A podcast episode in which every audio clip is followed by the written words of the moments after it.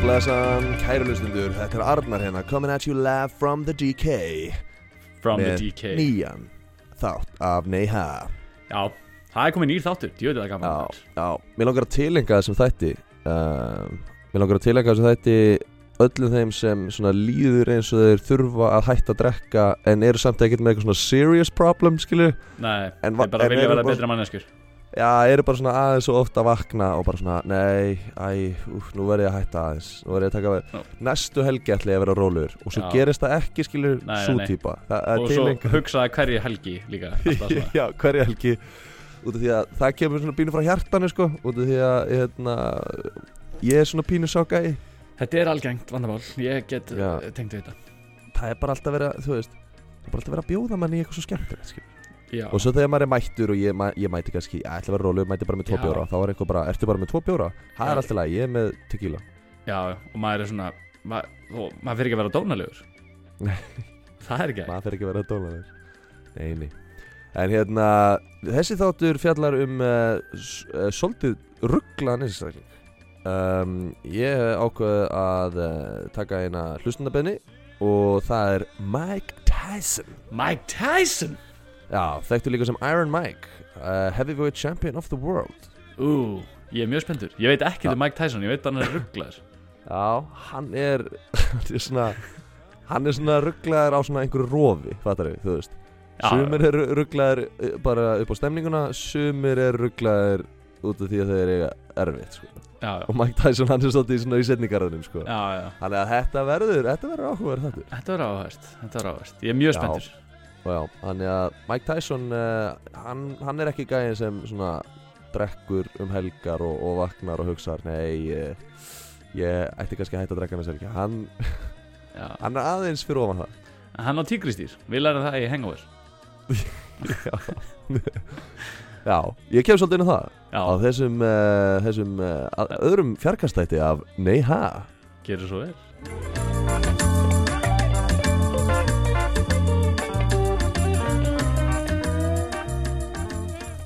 Ég er líka með eina pælingu með, með veganisma.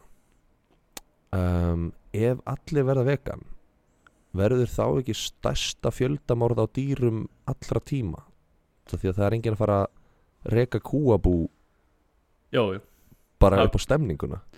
Já, ég meina, þú veist Morð eða þú veist Ég meina skulum sæta hvað það Öllum kúnum verður ekki sleppt upp á fjall sko.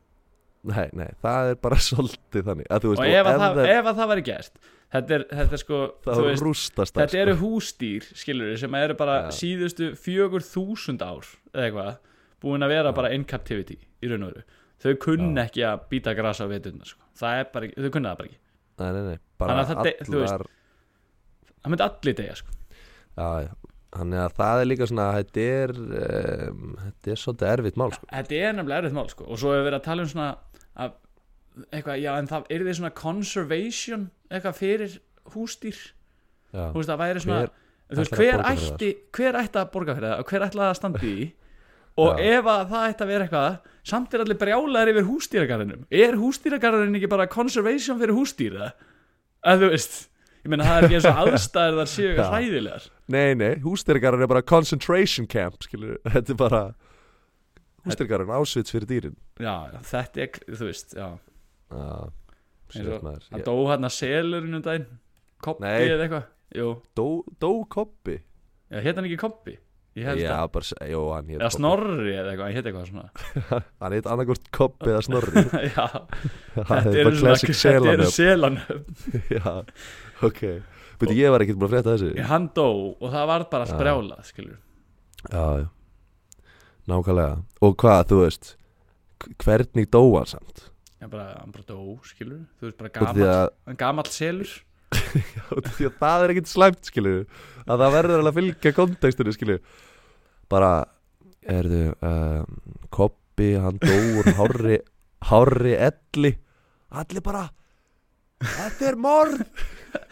Já, nei, þá kom þetta að hann, þú veist, þetta er selur sem að hann er bara búin að alast upp í einum heitapotti, skilur Allt sitt líf, skilur að hann er búin að vera já. captivity fattarðu? Já, og þú veist, jú, ég skil það alveg. Veist, það er ljótt.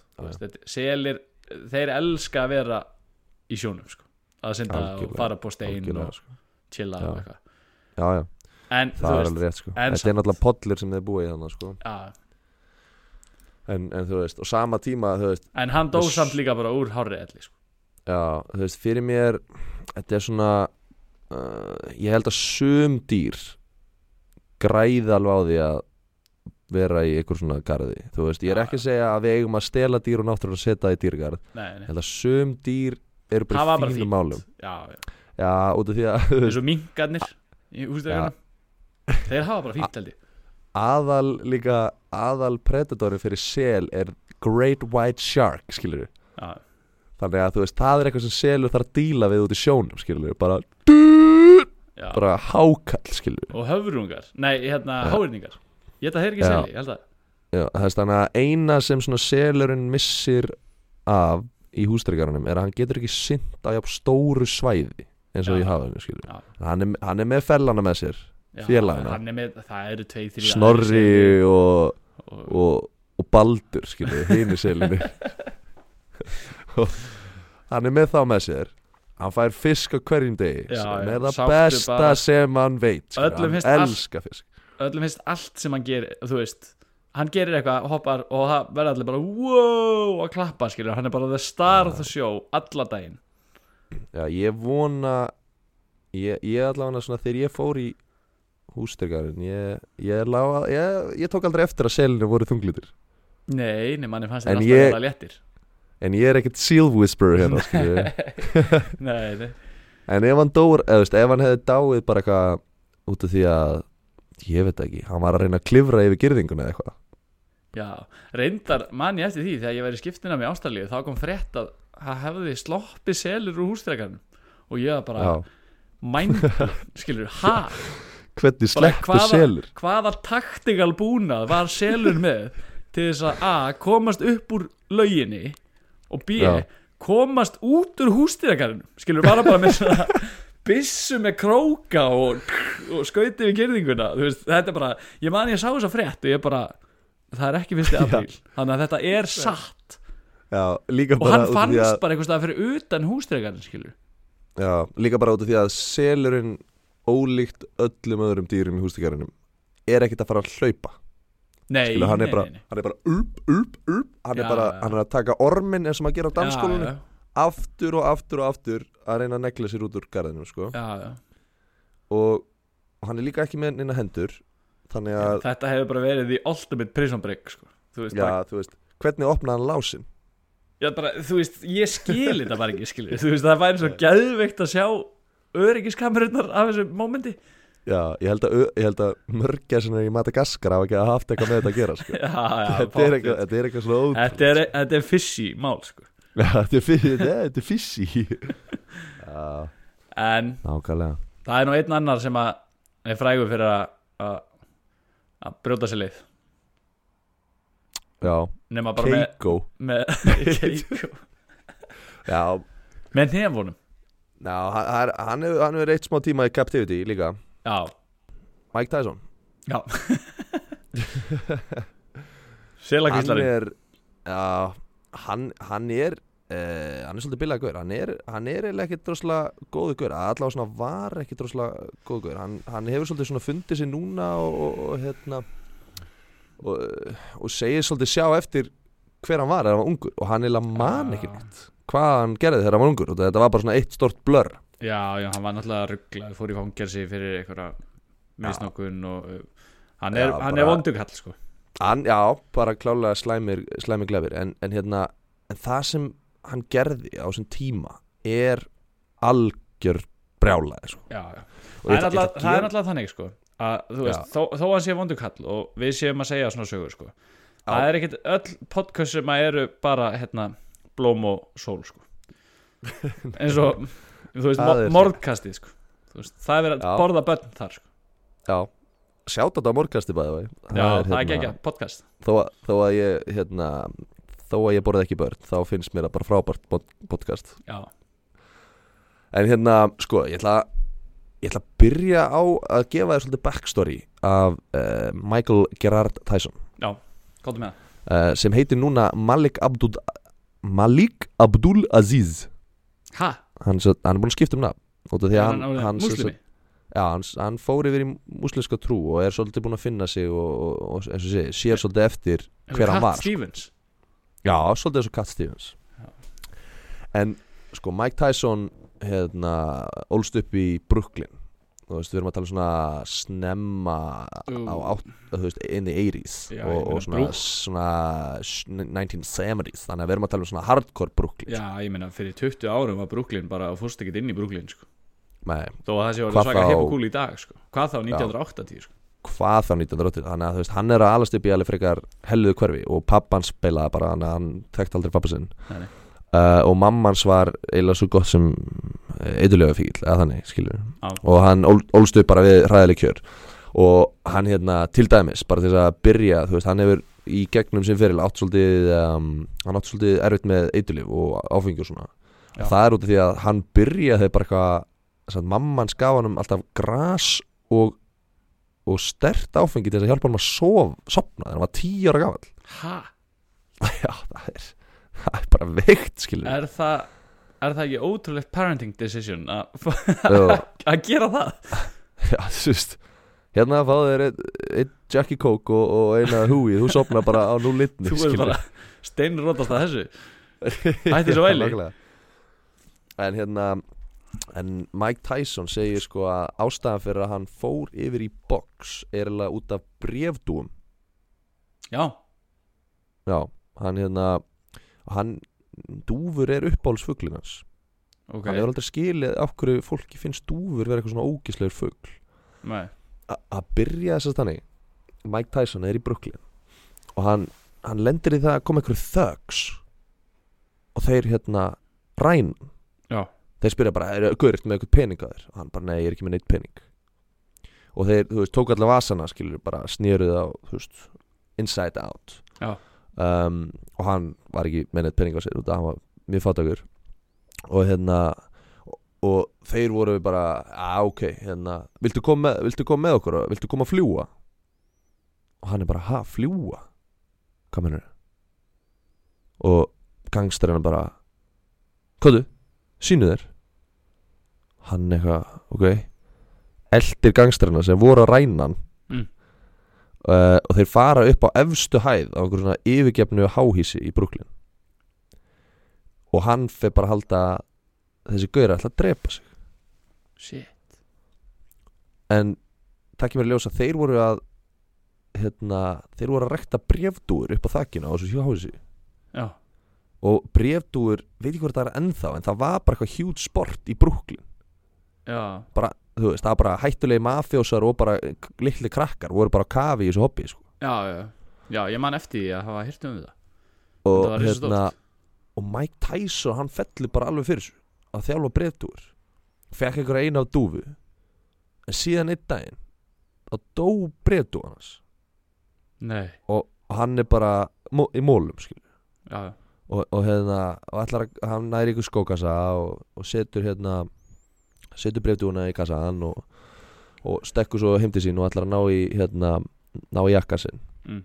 þegar hann kemur út þá var ruslakall búin að taka fugglin eða taka skókassan og bombaði aftan í bílinn í pressuna og Mike Tyson 11 ára gammal, verður svo brjálaður að hann kýlir ruslakallin í andlitið og rótar hann. Nei, og þú veist, þetta er fullur Ha? maður hann ímynd, ímyndaði bara að 11 ára krakki kem upp að þér og rótaði þig skilur what? Þetta er ótrúleg saga. Já, já.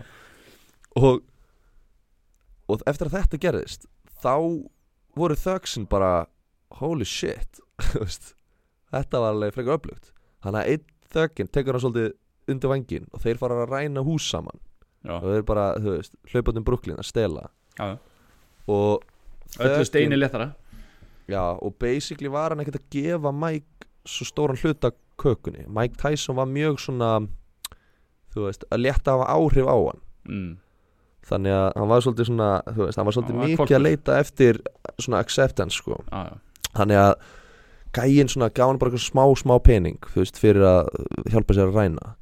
En síðan gaf hann um nýja brefdú já, og svo er hann eitthvað að labbanda með brefdún að koma einhver aðri þögs taka dúuna af hann og hann er bara, gauður, hvað er með dúinu mína.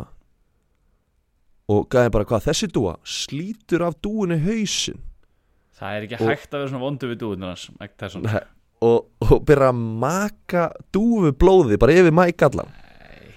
Og Mike Tyson trompa svo mikið að hann ræðst á alla gaurana Já, og rótaði á næstu alla. Þú veist, hann bara hann bara eitthvað slagsmála hundur og síðan stöttu senna hann fór hann í jailið.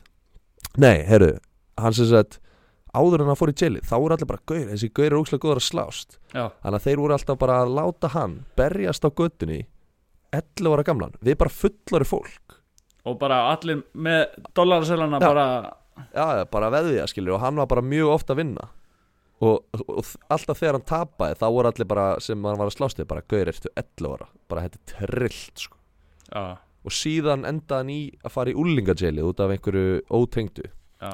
Út- ótengdu þessu. Og þá fréttist að- hvað hann var mikill slagsmálhundur og einhver ítalskur boxþjálfari sá potensial og samfærði þess að úlingajailið um að setja Mike undir hans umsjón. Já.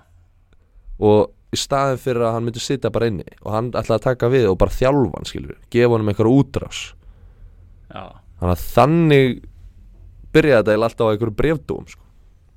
Það er klíka því að hann því að hann var hann var eiginlega alltaf lítill í sér til þess að slást. Hann þorði aldrei að ráðast á neitt sko, þegar Nei. hann var í hutunni en svo elskar hann sem dúfur dú- svo, Þegar dúfurna voru Þegar hún var stilt upp í vegg með dúfum að þá já, landa frá sér. Já, nákvæmlega. Og svo varð hann hérna og veist, svo varð hann bara 20 ára gamall, bara heavyweight champion of the world, bara lang yngsti gaur til þess að nokkuð tíma ná þeim til Já, Þannig að hann eh, var reyður lítið strákur hann er allt einu, já ég held að hann hafi verið 9 ára 20 ára þegar hann vann. Og það er bara eitthvað 100 miljónir bandaríkjadali í vasan það er klíka shit. Bara brjólaði Það eru ógeðslega kunn- margir Hvað eru margar krónur? já, genginu í dag er svona hvað er það 1,6 miljardur íslenska króna eða eitthvað. Það er bara trilltu penningur sko. Klíka mikið peningur sko. Svo hann margir kunni- Subway já, hann, hann kunni ekki neitt að fara með þessa penninga þannig að það eru nokkra sögur sem svona bera þann tón svolítið sko að hann er bara Já, ógeðslega frægur ógeðslega ríkur. Já. Og Ógeðslega þú heimskur kem, já, bara svona þú veist ómentaður, bara kemur frá klikkuðum ba hann bakgrunni þannig að hann veit ekkert hvað hann að gera sig. Já. en það er hérna, það er bandarsku rappar sem heitir Ed Lover uh, og hann var hérna einu svona á leiðinni á einn heitasta klubbin í Manhattan í New York. Já. og, og hann hérna á leiðinni inn í klubbin þá rekst hann á Mike Tyson sem er leiðinni út. Já. og þeir eru bara blessa maður Mike Tyson. Mike Tyson þannig bara er prime Mike Tyson Já, skilur, já, bara, bara á toppnum. Top, já þú veist bara ógislega ríkur og, og bara þú veist að, eh, hann er bara, Ógeðslega oft heimskur kallaður líka. já bara hættulegasti maður uh, á plánutinu Já, svolítið, þú veist, talaði bara þú veist Iron Mike. Já, og og hann er bara, Mike Tyson er bara, "Ah, þessi klubur er bullshit maður, förum eitthvað annað. Og Ed er bara, "Ah, ok, hvert er að fara? Og Mike spyr Ed bara, hei, ert þú, ert þú ekki frá Queens? Já, og Ed er bara, jú, já, föru þanga maður það hlýtur að vera eitthvað góð klubba þar. Og bara, já, ég veit um eitt klub og þeir fara á svona heitasta klubbin í Queens Mm. sem er eitthvað reggi klubur ok. Og Ed, ætlar að fara eitthvað að sækja bíli sinn. En Mike er bara, nei, skittu bara bílinn eftir maður. Tökum bara bílinn minn. Og hérna þeir st stökkva í einhvern svaka Bentley sem Mike Tyson átti Mm. og brunna nýr í Queens. Og hann er bara með eitthvað brjála entourage með sér skilur bara, veist, 14 bílar eða eitthvað. Já, já, og, og hérna hann og Ed fara hann á Bentleyinum.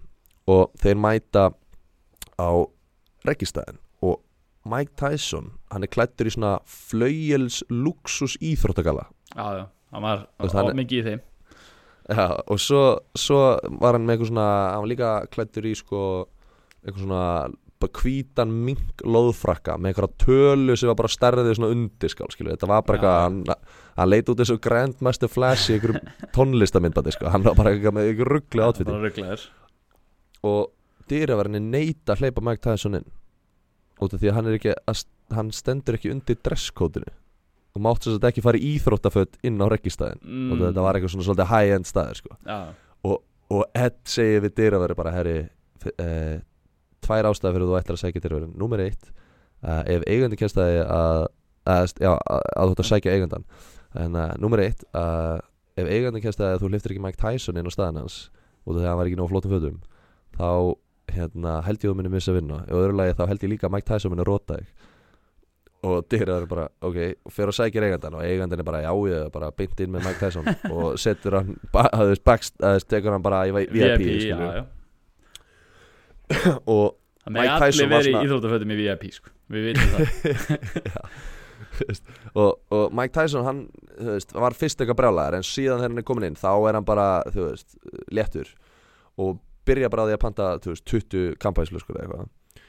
Og ofpeppa síðan pínu og segi við Edlover bara eitthvað bara herru, ég ætla, ég ætla að kaupa upp barinn bara allir sem panta sér drikkabarnum bara ég borga fyrir það, bara, bara purur á my tab. Já, og bara þangur til að barinn lágar og Eddi bara þangur til að barinn lágar, þú veist, Mike klukkan er kortir í tvö og barinn lágar klukkan fjögur. Ætlar að bara taka tab bara fyrir, þú veist tvo tíma þá. 2000 mann, já bara tvo tíma fyrir 2000 manns eitthvað sem er hann inni. Og hann bara, já, skelltu þessu bara grætan og þarna inn á þessum reggiklúb inn í Queens myndast bara eitthvað Friendship. brjá, já, bara brjálast að djama og þú veist, DJ-in er bara We got Mike Tyson in the house. Og þú veist, þetta er bara eitthvað svona 80s cocaine fueled brjála Já, já, bara allir gjössalega ruglaðir. þeir, já, já, bara allir gjössar eða rugglar svo klukkan fjögur eru þeir tveir hann eitthvað stöylast út af staðnum.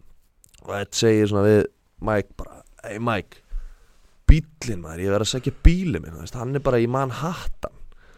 Og, og Mike er bara gauður, ég er alltaf fucked up til þess að keira þig, sko. ég get ekki verið að keira til Manhattan í mínu ástandi. Og hann er bara Ed er bara, herri, veist, ég var ekkert að ætlast til þess að Mike Tyson myndi skuttla mér heim. Þú veist, er, getur ekki einhver enduræsinniðinu skuttla mér? Já, og hann bara, hey, þú veist, þú átt ekki að vera að keira heldur bara, hvað, mamma, en býr hún ekki hérna nála sagðist sagðist ekki vera frá Queens, bara, jú, mamma hérna bara frekar nála, ja, taktu bara bíli minn maður. Taktu bara Bentley, keirðu bara heim til mömmuðinnar og þú veist, svo reddast það bara. Og hann er bara, ok, tekur Bentley hérna þess Mike.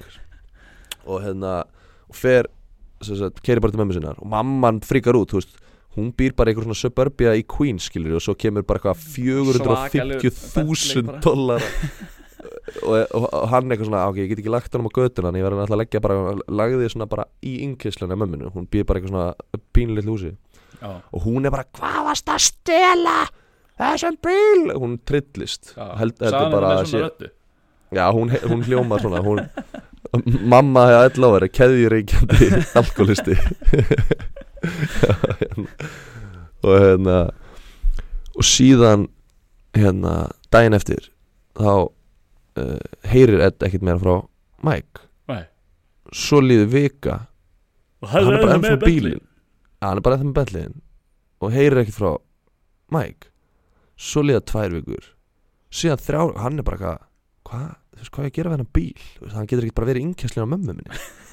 Þannig að hann fyrir eitthvað, þú veist keiri bílinn pínu og, og er svona, þú veist. Ég Svo vika- líka smá sko, ég meina maður ringi bara ekkert í Mike Tyson Nei, nei, og ég veit ekki, þú veist uh, hvort hann hafi reynd að hafa samband við hann en allavega þá um, heil mánuði liður og nú er Ed bara svona að stundum að skreppi sjoppin á Bentleyinum skilur við, þegar hann er búin að vera með það svo lengi. Kaupa segur.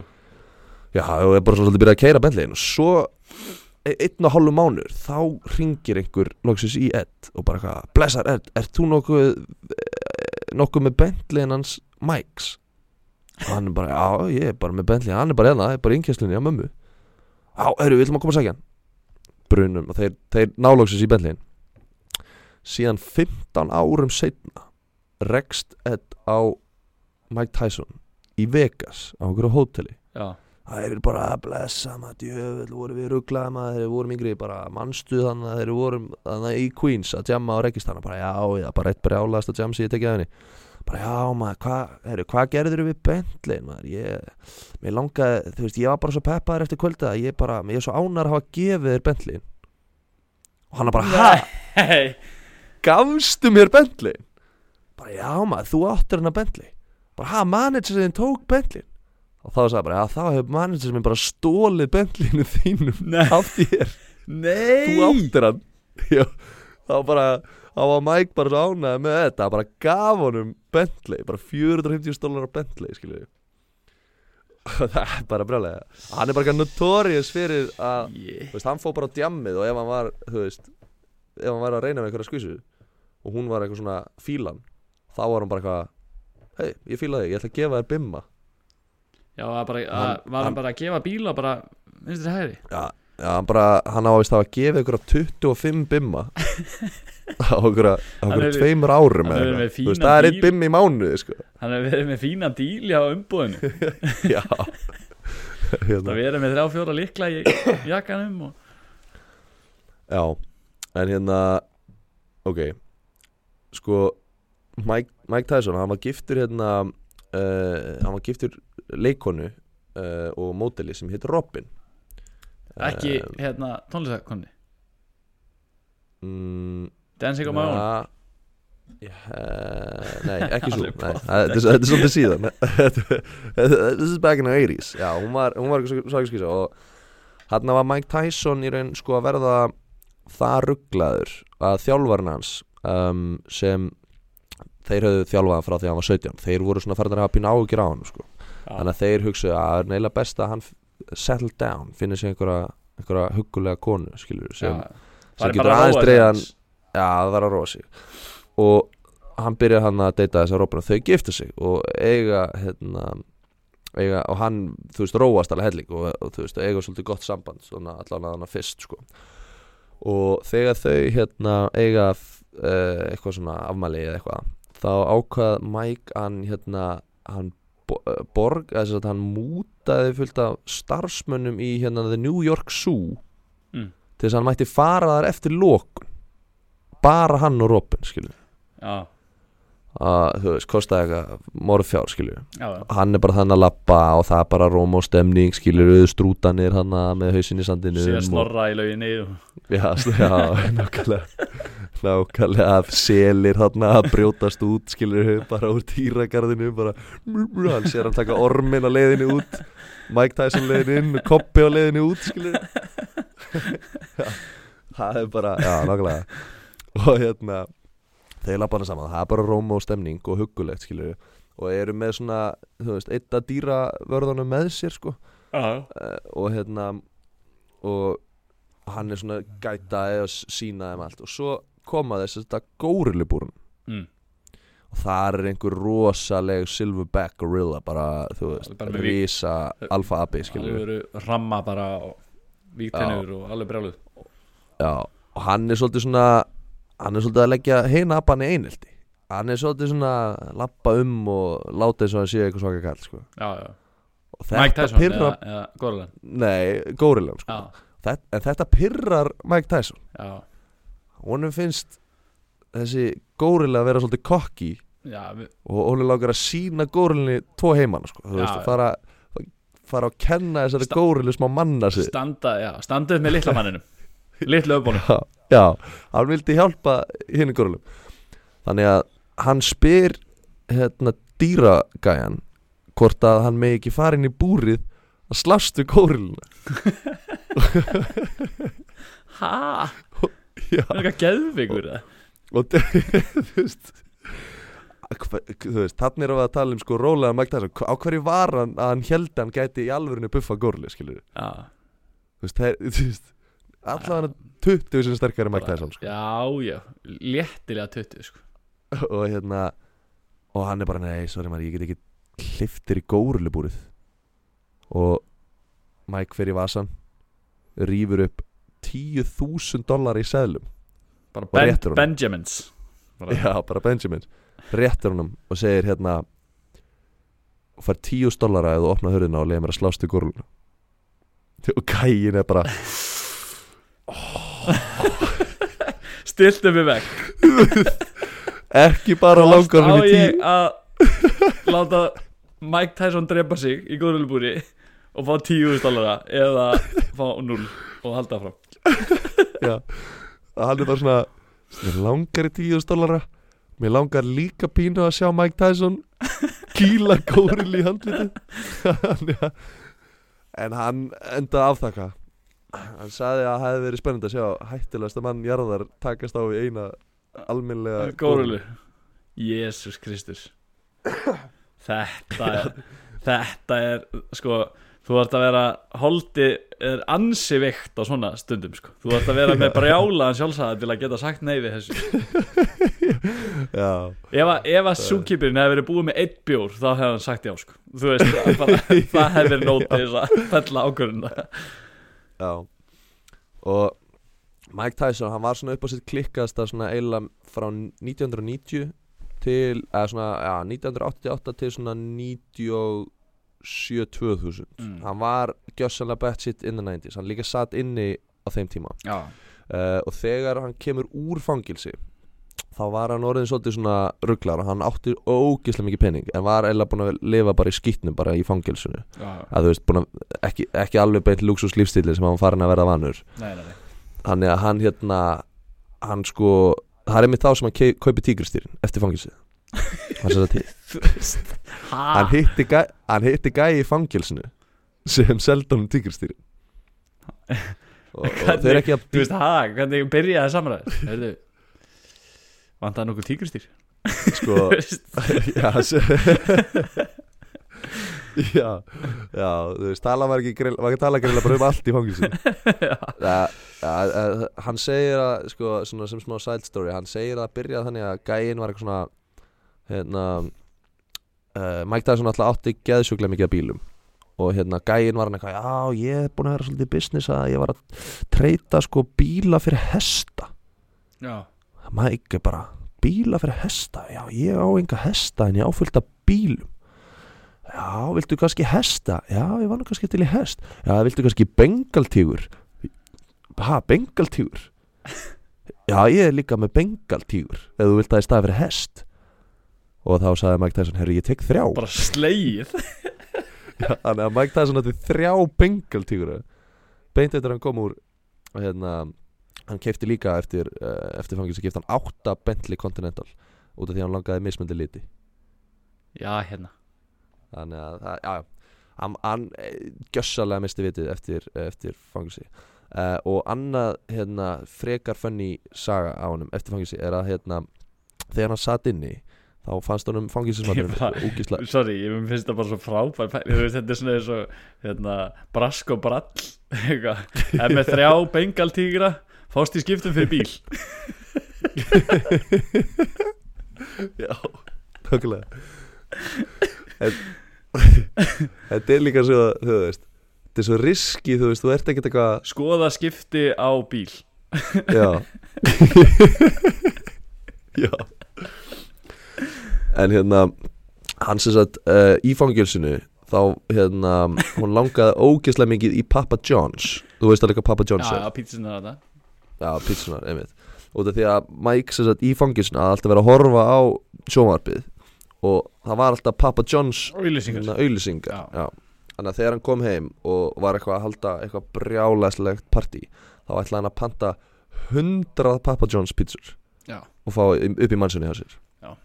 Og var eitthvað uh, þú veist, þetta er náttúrulega ekki þeim státt tími þar sem þú gæst bara að posta in- Instagram story eitthvað og sagt Nei. bara heyrðu Papa John, ég ætla að fá pizzur. Þú þarf 200 Eh, manns til að borða 100 pítsur sko. Já, já, hann líka, þú veist, hvað ætla að vera margir í partí í mannsunni hans? Þú veist, hann er með 34 svepperbyggi sko í mannsunni í Vegas. Það er 500 Það er manns easy í þessu partí sko.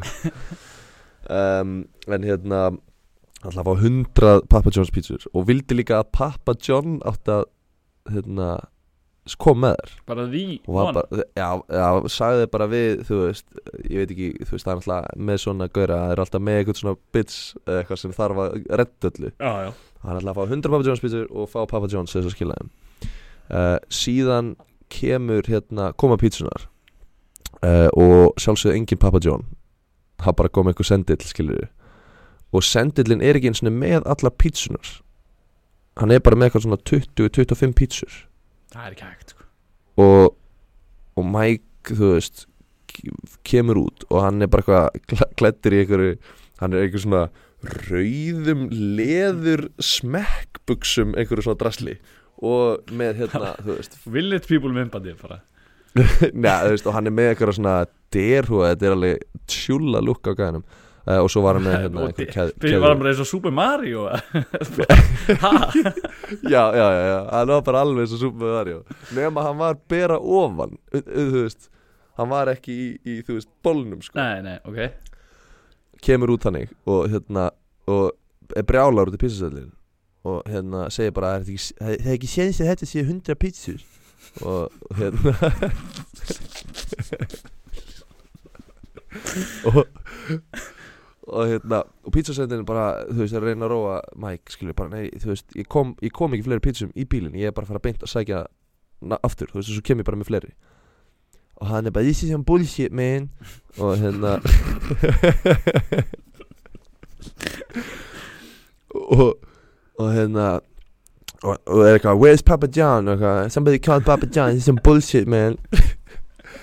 Eitthvað what's up with these fucking delivery vehicles bullshit eitthvað þá þú veist hann náttúrulega bara með eitthvað svona lítinn þú veist ég veit ekki hvaða bíla voru back in the day þetta var bara svona pínu lítill pítsasendubíl skilur við Já, já, svona eitthvað, eitthvað Toyota Corolla eða eitthvað skilur við Þannig að Mike Tyson hellir sig yfir písasendlin písasendlin að skíti í sig og þetta er Mike Tyson. Já, já. Segir hún um að vera rótaður, sko. Segir sér að drulla sig tilbaki til Papa John's og ná í alla pítsunar Já, og, og hann bara, ég, ég mun ekki koma að þeim öllum í bílinn. Og þá, seg, þá hendur hann þá, segir hann um að taka rollsin svo að þá var hann með hérna svona extended wheelbase Rolls Royce. Já. Segir hann um að fara að sækja alla pítsunar Hann vilja fá það allar einu. vil fá þær allar einu og and don't fuck up my car. Þannig að pítsusellin bara hversu stressaður skilur að lóta fyllt af pítsum í, Rolsa í, ro- í rolsaran skilur keira svo tilbaka. En hann þorði ekki annað því að Mike Tyson var svo brjálar og öskrar að taka rolsin skilur Shit, sko. Og kom, kom svo tilbaka með pítsunar og fekk uh, 6.000 dólar í tips. Já, það er nú fínt. ekki slemt ekki slemt já. Bara líka bara, hvað er Papa John's? Bara, hann er ekki Já. til, sko. Where the, where the fuck is Papa John's? Já, Papa John's er endar til en hann býr í Kentucky sko. Já, hann, ja, og hann, hann er ekki í fyrsta sinn sem hann hérna uh, sko hann var mjög kærlaus í kringum alla bíluna sína Mike Tyson. Uh, hérna, alltaf að gefa side- og lána já, si- side story. Hann hérna hann sem sagt um, var einhvern mann uh, var einhvern mann á hérna einhverju veitingastað með konu sinni og hún fer í vasanast til þess að segja pening og hann er alltaf með vasana tró, tróðfull af kessi Já, og rýfur uh, rýfur peningur og þá detta fullt af smokkum út líka. Já. og hún verður brjáluð Jimmys? tekur þetta sem eitthvað svona já, fullt af Jimmys og hún tekur þessu sem eitthvað svona að hann hérna hafi uh, hún tók þessu eins og að hann hafi verið að halda framhjá Já. Hún- Robin sem sagt. Þannig að hún brjálast og hleypur út eitthvað og tekur hérna rolsaran og er eitthvað að bakka úr stæði og bakkar á einhvern gæja. Já, og hérna og, og gæin, þú veist dettur eða eitthvað, rústast og handlegsbrotnar já Það er klikkað í bandaríkjunum, sko. Og Mike Tyson kemur út og er bara, oh shit man I'm sorry. Og, og hérna bara, var það Kenny er- í South Park? Nei, hann, er, hann, er mjög, hann er mjög smámæltur uh, Mike Tyson sem var uh, svona, þú veist það, það spilaði svolítið inn í óöryggið hann sko. Um, en hann, hérna, hann var mjög smámæltur. Og, og er. og þú veist, það bindast bara strax eitthvað brjálað umstang, bara það veist allir brjálaðir. Mm.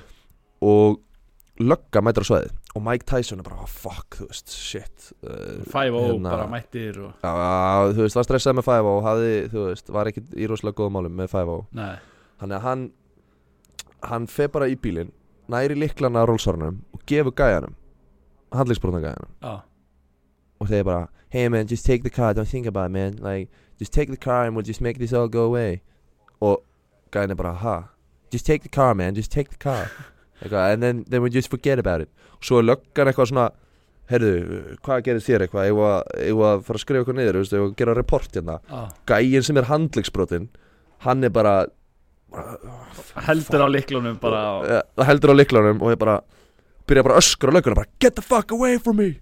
Get away from me! Eitthvað leave me alone! Og Hæ? hann bara vildi ekki, vildi ekki klúðra dílnum sem hann var að fá að fá rolsara versus handlegsbrot skilur Já, og hann er bara yeah don't think about it just take the car let's just not make any trouble out of this og hann er Það bara er þú ekki hægt og löggan eitthvað bara löggan er bara herri og uh, hvað hva meinar maður, þú ert greinilega handlingsbrotin hann bara get the fuck away from me. Eitthvað, know, og hann bara síðan bara stökk gæinn inn í rolsaran Og keiri burtu. Kerði burtu handlingsbrotin og Mike Tyson ringdi bara eitt- tók eitt Uber skilur Jöl, Nei, væri þetta gott ef maður alltaf ef maður lendi í vesin að geta bara gefið bílinn sinn? Ég held að myndi nú ekki veit- líta við Hvorki Subaru-unum nýja Corolni Ef maður myndi gera eitthvað. Bílanur okkar bílanur okkar er svolítið banged up með að við eitt rolsara sko. Rolsara, já, reyndar sko. Það getur verið. En hérna, svo er ég meina góða sögu frá okkar manni okkar eh, einum uppáhalsmanni Charlie Murphy, Já, hann er bróðir Eddie. Murphy Bróðir Eddie Murphy. Já, uh, Charlie Murphy hérna, eins og við sögum, bróðir Eddie Murphy hann, sko það sem ekki allir vitum Eddie Murphy er að hann djammaði ekki. Eddie Murphy er ekki djammað Nei, nei, við fórum yfir það í þættinum. Já, fórum við það í Eddie Murphy þættinum svo þið getið tjekkað það en Charlie Murphy djammaði á við tvo. Já, já, hann tók þetta út fyrir bróður staðinn. hann tók þetta út fyrir báða. Já, þannig að Charlie Murphy var einhvern tímann að fara að mæti partí hjá Mike Tyson. Mike Tyson var rugglar partíhaldari hann held nánast partí okkur um degi en svo held hann söm svona svolítið stór partí já, já. Ef maður býr í Las Vegas þá verður þú líka að halda partí á mándum sko. já, já, nák Fólk nákvæmlega býst við að halda partí á mándum sko.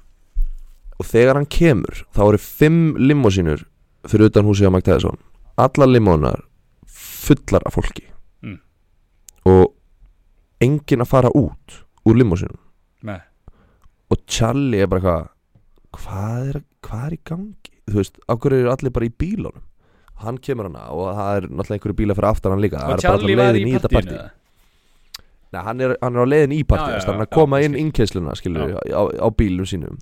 Og fleiri að koma inn skilur mm. en innkeislan hún er bara smekk full af fólki og enginn að fara úr bílun Já, og Charlie er bara hvað er að gangi? Herru þá sér hann það Mike Tyson standandi í dýraketinni með fullvaksi tíkristýr og er bara yeah everybody come on inside.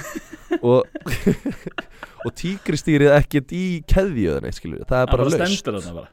Það bara stendur hana bara, er bara eitthvað, hm, hm, og svo, er bara, svo tekur hann eftir að það er annað tíkristýr með bara lappa við hliðin á bílunum bara svona eins og eitthvað svona eitthvað svona þú veist það er bara dyrin, dyrin, og það er allir bara í bílunum bara oh shit eitthvað horfa út í gluggana bara og bara tveir lausir bengaltíkur hann í það þóri enginn að út í bílunum. bara.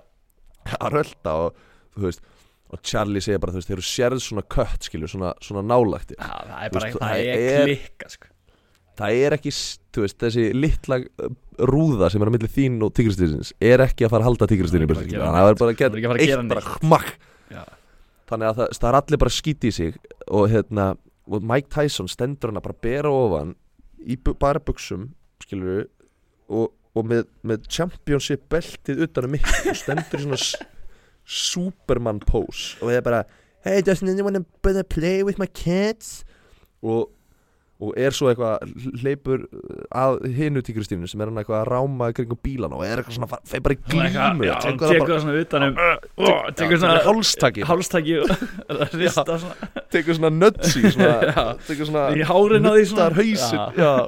rugglar í hárun á tíkristýrinu og, og hérna og þú veist allir eru bara að hugsa bara þetta er ekkert að fara að enda Þetta er vel ekki sko. lægi sko.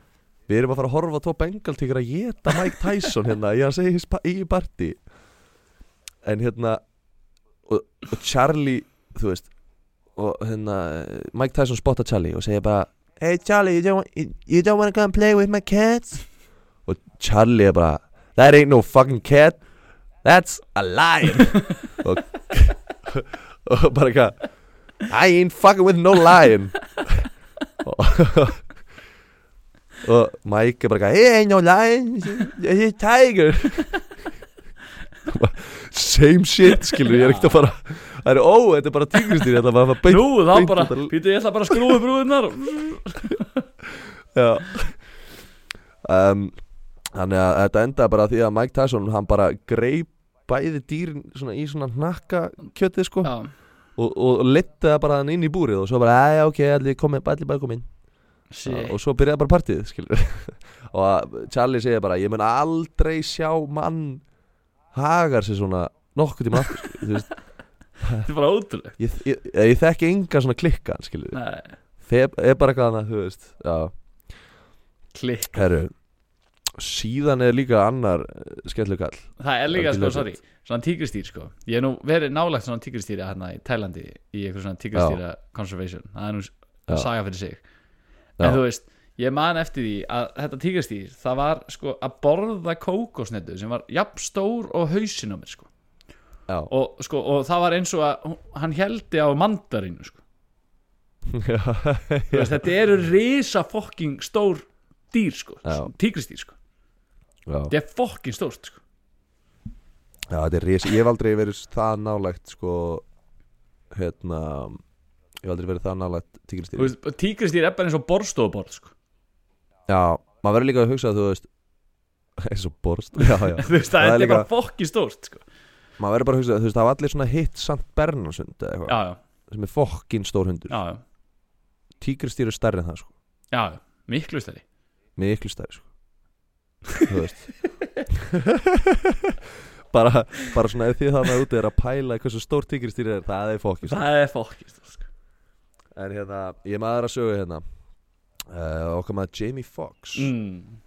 hann hérna eh, ekki allir vita, hann byrjaði eiginlega fyrir sín á stand-upi, hann var uppstandari. Já, og áður en að hann var svona, all, svona orðin frægur, hann var svona byrjaði að brjóta ísinn inn í Hollywood sko. Já, þá var hann að gera þú, það með einhverja svakarútinu, fullt af bröndurum og, hérna, og var að spila á einhverjum hérna, comedy clubs í LA já, bara, út um allt sko og, og hérna er að headlæna á einhverjum stað sem er samt svolítið svona ghetto mm. comedy club staður Já. sko. Veist, hann er svolítið hann, Hann er í Eh, skugga, skuggalegu hverfi já eins og Jamie sagði sko, þú, þú þarft að you gotta make it with the brothers before you make it big þannig að hann var hann að hann var hann að reyna að sko, slá svolítið gegn sko. um, og hann var sko með einhver svaka standard brútinu og, og ein hérna eitt brandarinn var um Mike Tyson og þegar Mike Tyson var þannig bara basically stærsta celeb í, þannig já, og náttúrulega svolítið auðvelt að gera grína honum út af því að hann er náttúrulega fyrsta lagi huge, öðru lagi veist að tala svolítið svona hérna skilur Mm. er smá smámæltur og, og hann er að hann var með eitthvað svona brandara og alltaf bara þegar hann byrjaði á brandarann sínum Mm. bara, bara við það að segja Mike Tyson þá trilltist kráti sko. Þú veist það var bara svo spennt að fá Mike Tyson brandara já, skilur. já, já, hann var svona vinsætt þessi brandari hjá hann já, já, og líka bara þú veist Mike Tyson var bara það stort nafna þú veist, ef þú nefnir Mike Tyson þá er allir bara Já, já, já, og þarna er hann á hood clubbi þarna í, í LA og hann er bara yeah yeah you guys wanna hear about Mike Tyson?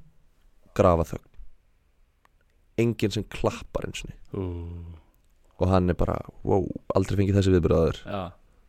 og svo heyrist bara Mike Tyson is in the room. Jamie er bara oh shit. Og þannig er Mike Tyson upp á sitt rugglast hann var bara kýla gauðra niður fyrir að horfa vittlust á sig já, já, og Jamie er bara oh god damn it og svo, svo bara svona þögn og Jamie er svona veit ekki alveg hvert hann að Hvort fara hann að með halda sig, áfram með sko, brandarann hvert hann að halda og- áfram já. og og hérna þá heyrist þú veist það er ekki Mike Tyson sem gargar þetta heldur einhver svona þögg sem hann er með eða þú veist einna í enturasinu já, Mike Tyson says you can say the joke but that shit better be funny. Shit. Og Jamie er bara hú, ok og er svona farið brandarinn og, og brandarinn er frekar steiktur. Hann er eitthvað svona Mike Tyson að panta í svona drive-thru. Já, og, og er basically bara að gera grína þessi smámæltur sko. Já, já, það er eitthvað yeah we like some hamburgers and some coleslaw and og þess bara eitthvað og, og náttúrulega hann er master impersonator James Já, já, að hann geggjaður. nær honum náttúrulega bara alveg sko og þú veist, þegar hann er búið með brandana þá er allir bara að klappa, bara standing ovation skilur, og ah, allir trilltir skilur, að hann hafi gert Mike Tyson brandara fyrir framann Mike Tyson. Og hérna og síðan er hann hann bara eitthvað í græna herbygginu og Mike Tyson labbarinn og Jamie stendur upp svona fokkin stressa bara hey Mike, what, did you like the show? Eitthvað. Mike lappa bara að hann bara eins og hann sé fokkin reyður og hleður upp nefan Nei og kýlir hérna, Jamie Foxx í bringuna. Jamie Foxx segir bara ég bara, þú veist my chest caved in, skilji, ég bara held í alvörin ég hefði rifbeinsbrotna, sko. Já, og þá var það bara og svo tók hann utan og bara that was some fucking funny shit man. Þá var hann bara fokkjón Já. en kýld hann samt alveg fast og Jamie bara bara, oh, that was some funny shit man. Og var svo bara hristan skilur og hann bara svo ykkur tuska bara í höndunum á Mike. Tyson bara fokkin ekki verið drepin shit og hérna já síðan hérna er, ég, meina sögðu upp þar Ú, ein, Það er bara hérna- loka sagan að bara loka sagan að ég er með svona smá bónus bónus í Ah, lokin ok, sko. ok. en hérna það er hérna rappari sem heitir Fat Joe mm. Sem er ekkert svo heimsfrægur en alveg stór í LA og Já, já. sérstaklega, svona, sérstaklega LA og alveg í Já, bandregjum á svona Westside hérna, já, Westside uh, svona West rappari. Coast rappari nákvæmlega uh, og Fat Joe hann hérna hann var á uh, klubbi með félaga sínum uh, í hérna í, í LA mm.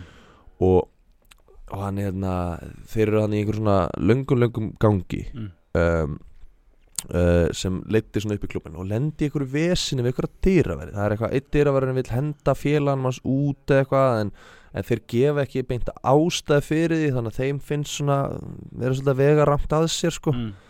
uh, þannig að hérna, þannig að hann svona þú veist, Fat Joe er að reyna að vera svona málamiðlari og, og, en félag hans er ógislega pyrraður og eiginlega, þú veist bara byrjar að haga sér svolítið illa sko. Já, já, og, og dyravörðurinn sem svona vildi hendunum út uh, hann, þeir eru að rífast þannig, félagi Joe's og hann.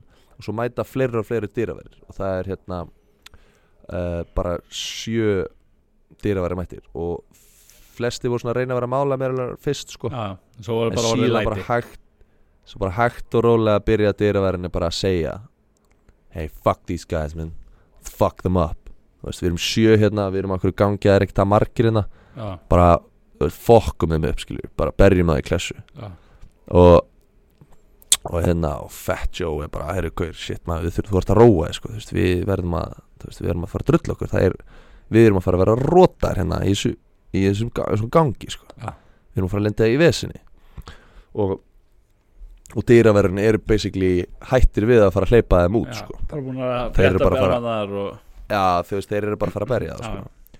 og, og Fat Joe er bara oh, come on man like let's calm down. Og þá heyrir Fat Joe fyrir aftar sig bara hey Fat Joe fuck these motherfuckers. Let's fuck them up. Þá er þetta bara Mike Tyson nýkomin á fangilsi bara búin að vera úti í eina viku skilur, ekki allir búin að heyra hann síðan sloppin sko. Nei, nei, nei. Það er bara Mike Tyson og líka þú veist gerði ekkit í, rekt, í fangilsi nema vera í Já, rektinni. já, bara pumpa. Þannig að hann er bara rugglaður og þú veist, þeir eru samt sjö á móti þremur. En það er engin dyraverður sem þú eru að vera fyrsti gæin í Mike Tyson. Skilur þú veist, ef þú ferði í Mike Tyson Það þarf að vera tilbúin í það sko. þá þarf það að vera tilbúin í það. En þannig að þeir eru núna vilja bakka neður skilur dyraverðinir en Mike er svo gýraður hann vill ekkert bakka neður, hann vill bara slást. Þannig að hann byrja að hlaupa eftir öllum dyraverðin og þeir eru allir að hlaupa bara eins og í Benny Hill skilur bara Mike Tyson eftir þeim. Og þeir eru eitthvað bara svona í röð þú veist, þú veist eh, og við erum ekkert að tala um svona litli hverjar þetta er svona bara LA risastóri dyraverðir allir að hlaupa frá Mike Tyson. Og þeir enda fyrir utan staðinn að hlaupa svona í ringi í kringum bíl. Skilur bara eins og í svona eins og í Benny Hill myndbandi skilur bara og þú veist, þeir eru bara eitthvað please Mike, please stop eitthvað eitthvað, we're so sorry. Það er eitthvað að reyna að garga þetta og meðan hann er bara I'm gonna fuck you up motherfucker, eitthvað, you gonna fuck eitthvað, þú veist, hann er bara óður pottit á einhver líka skilur Já, og, Fat Joe sagði bara þú veist við vorum í svo djúpum skít. En svo þú veist, ef þú myndir ef þú getur valið bara svona hypothetically einn gæja til þess að bakka eitt slag. Já, það er Mike Tyson. Það er Mike Tyson og hann mætti bara skiljið þannig að þú veist, hann sagði að þetta væri svo ógeðslega fyndið sko. Og síðan hérna síðan, þú veist, ég veit ekki það var eitthvað smá brawl sko og svo, svo hérna uh, svo bara var þetta búið sko. Já. En hérna svo ætla ég bara að nefna eitt sem er svona, þú veist, að vita allir náttúrulega að þetta er satt sko en hérna, svona söguna baku þegar hann beit eirað á gæjar í bóksinu Já, Evander Holyfield Já, það er svolítið trill sko. Um, Þetta var title fight Já, og hérna Tyson var að tapa. En hann var líka sko dómarinn var ekki að dæma það að Tyson var, að gæin hingæin hann var alltaf að skalla Tyson mm. sem er alltaf bannað sko. já, alltaf þeir eru voru svona saman þú veist, eins og bóksar verða oft þú veist, þeir eru svona hlið hlið það var alltaf að skalla hann pínu Tyson var svo brjálar á þessu og þú veist, brjálar út í fyrir að dæmi ekki á það. Þannig að eftir eitt skall þá ákvaðan bara, herru, fuck it. Bara tekið bita úr eiranu og hann, þú veist, það var ekkit bara þú veist, hann bara tók bara bita úr ja, og hrækti bitana bara út á ringi og það sem er alveg svona svo fekk hann þryggja miljóna dollara sekt fyrir þetta. Já, frá The Fighting League og var, fekk lifetime ban sem reyndar endist bara eitt og allt ár. Já, um, en veist þetta er alveg það sem er líka svona trillt er að sko hingæin bóksarinn, hvað sagði hann hér Holyfield, eða ekki? já, já, jú, jú, einmitt. Um, hann sko er ekkert pyrraður út í Tyson fyrir þetta, hann segir að hann hafa fyrirgefað um þetta að eina sem hann hugsaði þegar hann horfir á eira sitt sem það vantar náttúrulega bara að bita úr er að þetta er daginn sem hann fekk 39 miljón dólar í vasan hann er bara, já, hann, þetta er 39 miljónar krónu gati ég er að mér Já. skilur um, en svo er svo rugglega að Tyson þar átt fyrir að tapa fekk 27 miljónir bandaríkjadala svo þurfti hann bara að taka 3 miljónir út úr því. Já, já Hann að hann fékk á samt 24 24 milljónir. miljóna já, miljónir, Milljónir, skilur, það er bara brjál ógislega skleitt Það er klikkað Já, þetta er eitthvað með þetta syndrom ef að þú erst að tapa eða, eða þú veist, eitthvað, ég meina þetta eru líka fótboltamenn sem hafa gert það að býta, já, býta, já, býta fólk. Þetta er ógislega skleitt en hérna herru, ég er með minigame. Því þetta er alltaf sögurnækisli Ú, klikka er þetta maður. er- að giska hver er bull, Já. sko, það eru allar rugglaðar Já, herru, ég er með minigame sem er óvinnlegt, svolítið skemmtilegt uh, minigame, sko. Ok, uh, út af því að í staðin fyrir quotes þá ákvaði ég hérna að þú átt að ég ætla að lýsa fyrir þér tattoo sem Mike Tyson er með. Og þú átt að gíska hvaða tattoo er bull. Ok, ég til. Hann er með hann er með mörg tattoo sem eru bara eitthvað algjört bull sko. Já, ok. Ég ætla að byrja náttúrulega á tattoo sem þú ert líklega ekki að fara að gíska á. Hann er með tribal tattoo í andlitinu. Ú, bull. Það er náttúrulega ok uh, á hérna byssunni sinni hérna á the right hook. Já, þá er hann með tattoo af kommunistiska uh, world leader Mao. Svona fullt, fullt andlitsportrétt af Mao já, og svo stendur undir portréttinu Mao. Síðan hérna á rifbeinunum hérna hérna. Já. Þá er hann hérna e, þá er hann með rísastórt hérna það er með rísastórt portrétt af Che Guevara. Já, sem er þess að frekar illa teikna já, um, og, og engin texti með því. Síðan er hann hérna með tattoo á vinstri byssunni. Left sem hook. er hérna já. Uh, og þá er hann sem sagt, með hérna sem sagt, uh, mynd af gæja sem hérna heitir Arthur Ashe og er tennisleikmaður. Og hann er með hann svona hann er svona the thinking man svona með, með puttana svona hökuna svona eins og thinking man. Já, og svo stendur Days of Grace undir því. Svo er hann Svo er hann með annað tattoo sem er hérna fyrir neðan má. Og það er tígristýr að skrýða upp hendina hans. Já, og hérna og síðan eh, seinasta tattooið sem hann er með sem er þriðji kommunista líturinn hérna, sem hann er búin að tattooa líka mann sér. Það er að hann er með á bakinu sem er svona það sem ég myndi kalla Karla Tramp Stamp. Að þú veist þetta er hann að milli já, herðablaðina þar er hann bara með Lenin. Hæ? Ja, þú veist, og ég, ég reyndi að komast að hvaða máli væri með allar þessar kommunista leaders en, en ég fann ekkert um það að Mike Tyson var einhver kommunisti hann er bara eitthvað hún finnst bara stemning að vera með þrjá mismyndi kommunista lítera á krónum þessu Það er ógeðslega mikið að nú átt að, að gíska hvað, hvað þið villist. Hvort er hann með má á hans frægu hægri byssu Che Guevara á á- á ribbeinunum hérna tígristýr á hægri hendinni tennisletsend á vinstri byssinni og með textan Days of Grace. Já, Herðu, ég ætla að segja að það sé bull að hann sé með Jin Mao á hendina á sér það sé með, það sé með ko- kínveska kommunista lítarinn Má á hendinni. Já, og að standi undir Herri, því- Já, já, það stendur Má undir. Nei, það er bara fakt, hann er með það. Það Hann er með það tattu á ótrúlegt. sig. Af hverju myndi maður að vera með tattu? Þú veist, þetta er ótrúlegt. Nei, Þetta er óþúlega sko. Má er líka bara ekki góð guður sko. Nei, Hann er vondur kall, sko. Hann er innilega vondugall sko. En já, hann er satt ekki með lenin á bakinu. Nei, Hann er með öll hinn tattúin það er ótrúlegt samt træpali í andlitinu Alltaf bara iconic fyrir hann sko. Hann var hann líka með eitt tattú sem ég slefti að nefna Hann er með uh, Hann er með eina konu sinni líka tattú á sig Portrait Já. uh, Fyrirvændi Það er ennþá með það Hyrðu, ég var að rúli gegnum söguna og sjá ég sem var að að gíska Hvað ég var að ljúga þér þér sko.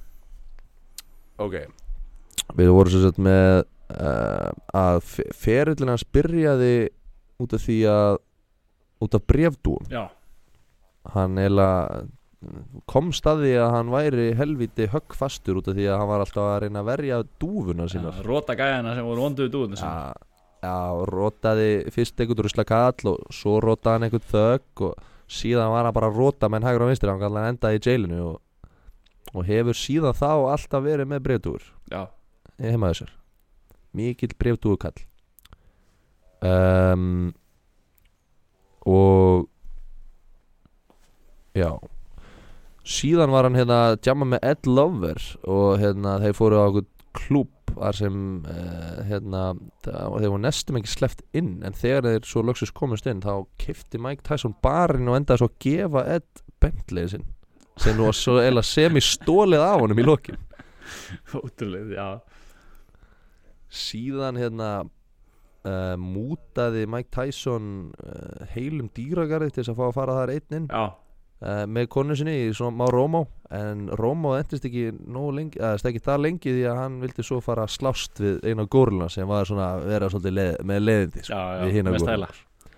Með stæla sko. Síðan hérna uh, pantaðan 100 Papa John's Mm. fekk ekki alla pizzuna sínar uh, og Sendi, ski, sk- já, skipaði pizzasendlinum að fara á rollsarnum og sækja restina já, út af því að þá myndi hann koma restina af pizzunum í einni ferð og hann var ekki að fara að býða fjóra ferðir eftir restina af pizzunum já, og hérna og gaf síðan 6.000 dólar í tips þegar þetta mission var búið. Síðan hérna svo var Charlie Murphy að segja söguna þegar hérna hann var bara með fullt af tíkristýrum bara í innkesslunni hjá sér að taka mót öllum gestunum og það þorði engin gestur úr bílnum og það var svo rættur um að tíkristýr myndi geta sig. Já, og hann var bara glímu bara fyrir utan bara með tíkristýrið já, ég mitt Uh, já, já, það var reyndar hann að milli þessari tekið sögu, þá var hann að saga hann að þegar hann hérna, konan hans bakkaði á gæja á handlegsbreytan og hann ákvað bara að gefa honum Rolls Royce-in sinn. Já, uh, sem svona kompensation já, svona að hann myndi ekki lendi í í aftur Já, hann nefndi, ekki að fá svona einhverja lögsokn á sig Nei, nei. af því að það var líklegur hann, hann ákvað bara að gefa Rolls-arn í stað um, síðan var Jamie Foxx uh, með uppistand og var með brandara sem, þar sem hérna, að Mike Tyson var the butt of the joke. Og hann sagði uh, það var alveg þögn í salnum út af því allir vissu að Mike Tyson var í salnum Mm. nema Jamie Foxx. Og Mike Tyson gaf Jamie Foxx leifa að segja brandarann og sagði að that shit better be funny. Já, og kildi svo Jamie Foxx í bringuna. Síðan hérna uh, var Fat Joe að chilla á einhverjum klubbi og einhverju dyra var allar að buffa hann en svo bara uh, lo and behold Mike Tyson nýkomin úr fangilsi mætti til að berja. Hl já, hljóp í kringum allan staðin eins og Benny Hill bara eftir þeim bara kringum einhvern bíl og eitthvað þú veist, og það var vist uh, hrikalega fyndið. Svo er ég með eina bónusögu hérna sem ég glimti að segja. Bónusvídeó? Já, eitt bónusvídeó.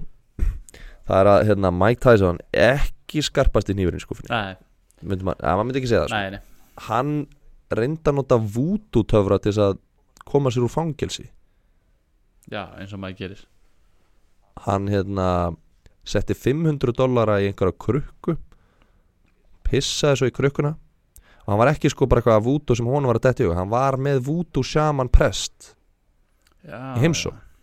til þess að hjálpa sér með þetta sko. búa til eitthvað seiði Ok, Þannig að fyrst þurfti hann að setja 500 dollara í krukku og svo pissi í krukkuna svo þurfti hann að fá okkur á dúfu og svo sleppa dúfunni og eitthvað svona we're both free og svo þurfti hann að mixa eitthvað svona koktel og svo eitthvað, ég held hann að við drukkið svo eitthvað að því og eitthvað og það virkaði ekki.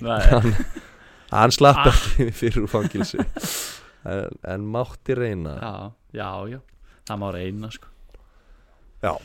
En þetta er allar söguna. Herðu, eins og oft áður þá, hérna en maður svona með tvær. Já, já, já.